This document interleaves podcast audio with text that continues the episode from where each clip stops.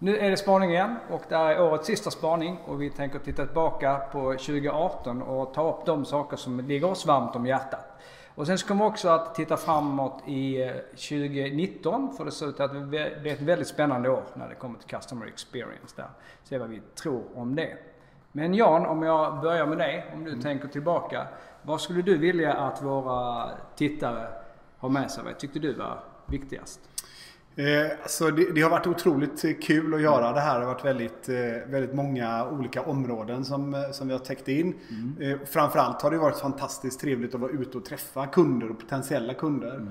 Och prata med dem och lära sig mer av, av deras verksamhet och, och deras tankar och visioner. Så. Men en sak som jag, som jag tycker är, är jätteviktig och vi har, vi har faktiskt spanat om den. Mm. Det handlar om kraven man ställer på en tänkbar leverantör. Mm. Det är dags att eh, ta nästa steg nu och inte bara jobba med eh, requirements och ja och nej mm. kring features och functions. Utan faktiskt också ta pulsen på den tänkbara leverantören ordentligt kring hur kan ni utveckla vårat kundmöte. Mm. Vad har ni för kompetens kring de digitala mötena? Hur förstår ni verksamheten? Mm. Och hur förstår ni medarbetarna som jobbar i, verksamheten? Mm. Och hur kan ni lyfta detta mm. tillsammans med er teknik? Mm. Det är viktigt. Mm. Ja men det är det. Ja. ja. Hur tänker du? Eh, jag tänker så här att det finns en disparans mellan hur företagen uppfattar hur långt de har kommit i sin digitalisering.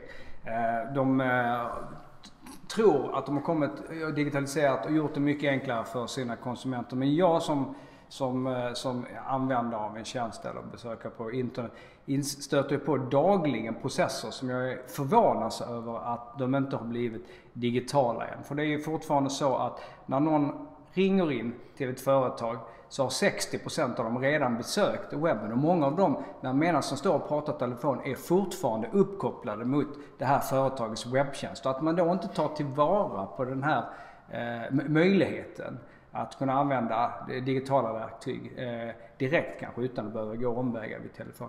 Det är eh, förvånansvärt hur, få, hur mycket arbete där finns kvar medan många företag tror att de har kommit mycket längre. Just det. Du hade något exempel, en spaning kring, kring ett bankärende som handlar om en bolåneansökan ja, till exempel. Ja. Ja. Man fyller i ganska mycket och sen stöter man på ett problem och så måste man ringa in och vara i telefonkö.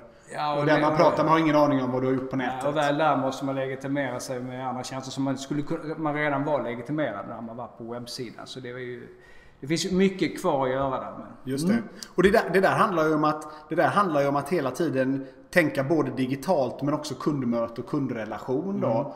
Mm. en spaning som vi pratar om och som jag tycker är spännande för vi har mycket diskussioner om det. Det är Messenger. Mm. Just det här att eh, är man redo för en ny kanal? Mm. Hur hanterar man de befintliga kanalerna man har idag? Mm. Och har man redan misslyckats där, då behöver man kanske tänka sig för både en och två gånger innan man hoppar in i nästa kanal. Mm. För att byta kanal löser ju inte problemet i sig. Nej. Utan att man förstår vilken effekt får detta på verksamheten? Vilka krav ställer det på medarbetarna som ska mm. hantera kanalen? Och hur får vi det här att funka att Messenger ibland är realtid och ibland är det inte realtid. Så mm. synkront och asynkront som vi säger. Ja. Och jag kan spara dialogen lång tid som, som, som användare av Messenger. Mm. Men hur gör företaget då för att spara historik och vad mm. GDPR-krav och så vidare. Så det är ganska spännande och det har vi en hel spaning kring då. Mm. mm. Jag tror också man kan säga mycket utveckling av hur man hanterar asynkrona eh, dialog under 2019. Absolut, mm. absolut. Eh, en annan sak som jag tyckte är, som ligger ganska nära in på det här avsnittet. Men det är hur lätt det är att förlora kundrelationen i glädjeyran över att automatisera eh, sin, sin, sin webb eller sin service, sina produkter. Att man glömmer det där mötet att ibland så ska man ta en, en nästan fysisk kontakt med kunden. Man, man tappar affärer genom att eh, behandla alla lika och eh, automatisera. Så att man ska automatisera med, ändå med kundmötet som fokus, att man inte ska tappa den relationen. Ja, just det. Mm. Om köpet kanske kräver hjälp och support, att man ska mm. kunna få det. Mm. Och att man reflekterar och tänker, tänker till kring, kring det där. Att man går från vissa klassiska regler för hur man ska få kundvård. Just det. Eh, och sen så en annan sak kopplat till eh, det här med vad är skillnaden mellan CRM och en digital engagement, engagement plattform. Ja, det blir viktigare och viktigare. Också diskussioner som var mycket, mm. precis. Och där kortfattat vi sa liksom CRM-systemet det är, ehm, det är system of records. Mm. Du håller reda på egentligen transaktioner mer. Vad som har hänt, eh, vad som ska hända och mm. en digital engagement plattform är egentligen en system of interaction. Så mm. den hanterar egentligen de digitala konversationerna. Mm. Det är viktigt att hålla isär det där och, och förstå vad det är man vill åstadkomma mm. innan man går i, i, ut på marknaden och ska köpa ett system. Mm. Därför att vissa funktioner kan ibland finnas i CRM men mm. du stöter ofta på patrull mm. när din digitalisering ska ta nästa kliv mm. Mm. och bli ännu mer digital och använda mer komplexa funktioner. Då. Två system som kompletterar varandra ska man tänka. Exakt, de jobbar tillsammans. Eh, helt riktigt. Sen har vi ett nytt år som står inför dörren här och eh, jag tänkte fråga dig Jan, om man lyssnar lite på vad, vad, vad känner du 2019? Vad, vad kommer det handla om mycket tror du? Eh, ja, det, finns må, det finns många ämnen och områden men ett som vi har varit inne på också Det handlar lite grann om det här det kvalificerade digitala kundmötet att fler företag ska börja använda den typen av teknik idag som finns. Mm. Som gör det möjligt att istället för att kanske resa mm. in till ett kontor eller istället för att säljaren ska behöva resa mm. ut till kunden. Att faktiskt kunna mötas digitalt. Mm. Att börja använda de här digitala mötena och video mm. i, i, ett, i, ett, i ett kundmöte. Och, och framförallt är det också utifrån ett miljö mm. miljöperspektiv. Att mm. istället för att sitta i bilen i flera timmar och åka fram och tillbaka till kundmöten. Mm. Så kan vi ha många fler kundmöten. Vi kan se till att de är bra kvalificerade.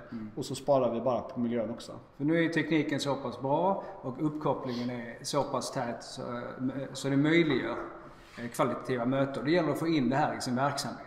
Absolut. Och vi har många som vi jobbar med just nu mm. som är på väg in där 2019. Mm. Så det ska bli oerhört spännande att, att jobba med de eh, projekten och titta på eh, vilken nytta de kan tillföra både till företaget, organisationen mm. och till kunden. Då. Verkligen, mm. verkligen. Ja. Jag, jag tänker, vi har pratat mycket borta under 2018 och 2019 tror jag kommer att bli Eh, Eh, dags för upp till bevis att eh, leverera att de här automatiseringstjänsterna som man har satsat väldigt mycket pengar på och som man sjösätter nu. Kommer de att betala sig? Kommer det att göra att vi som besökare får ett bättre digitalt möte med företaget eller, eller organisationerna? Eh, eller är det den här vågen utav borta blir det ungefär som det var för några år sedan, för 5-6 år sedan när den första bortvågen kom.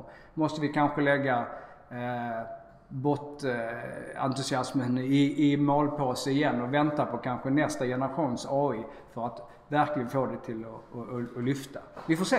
Vi får se. Spännande. Ja, härligt. Ja, det handlar om, som vi pratat om, att vara väldigt specifik i sina use case när man jobbar med AI-bot. Ja, inte ja. försöka automatisera och lära dem allt utan det som, eh, de områdena de gör mest nytta. Så. Mm.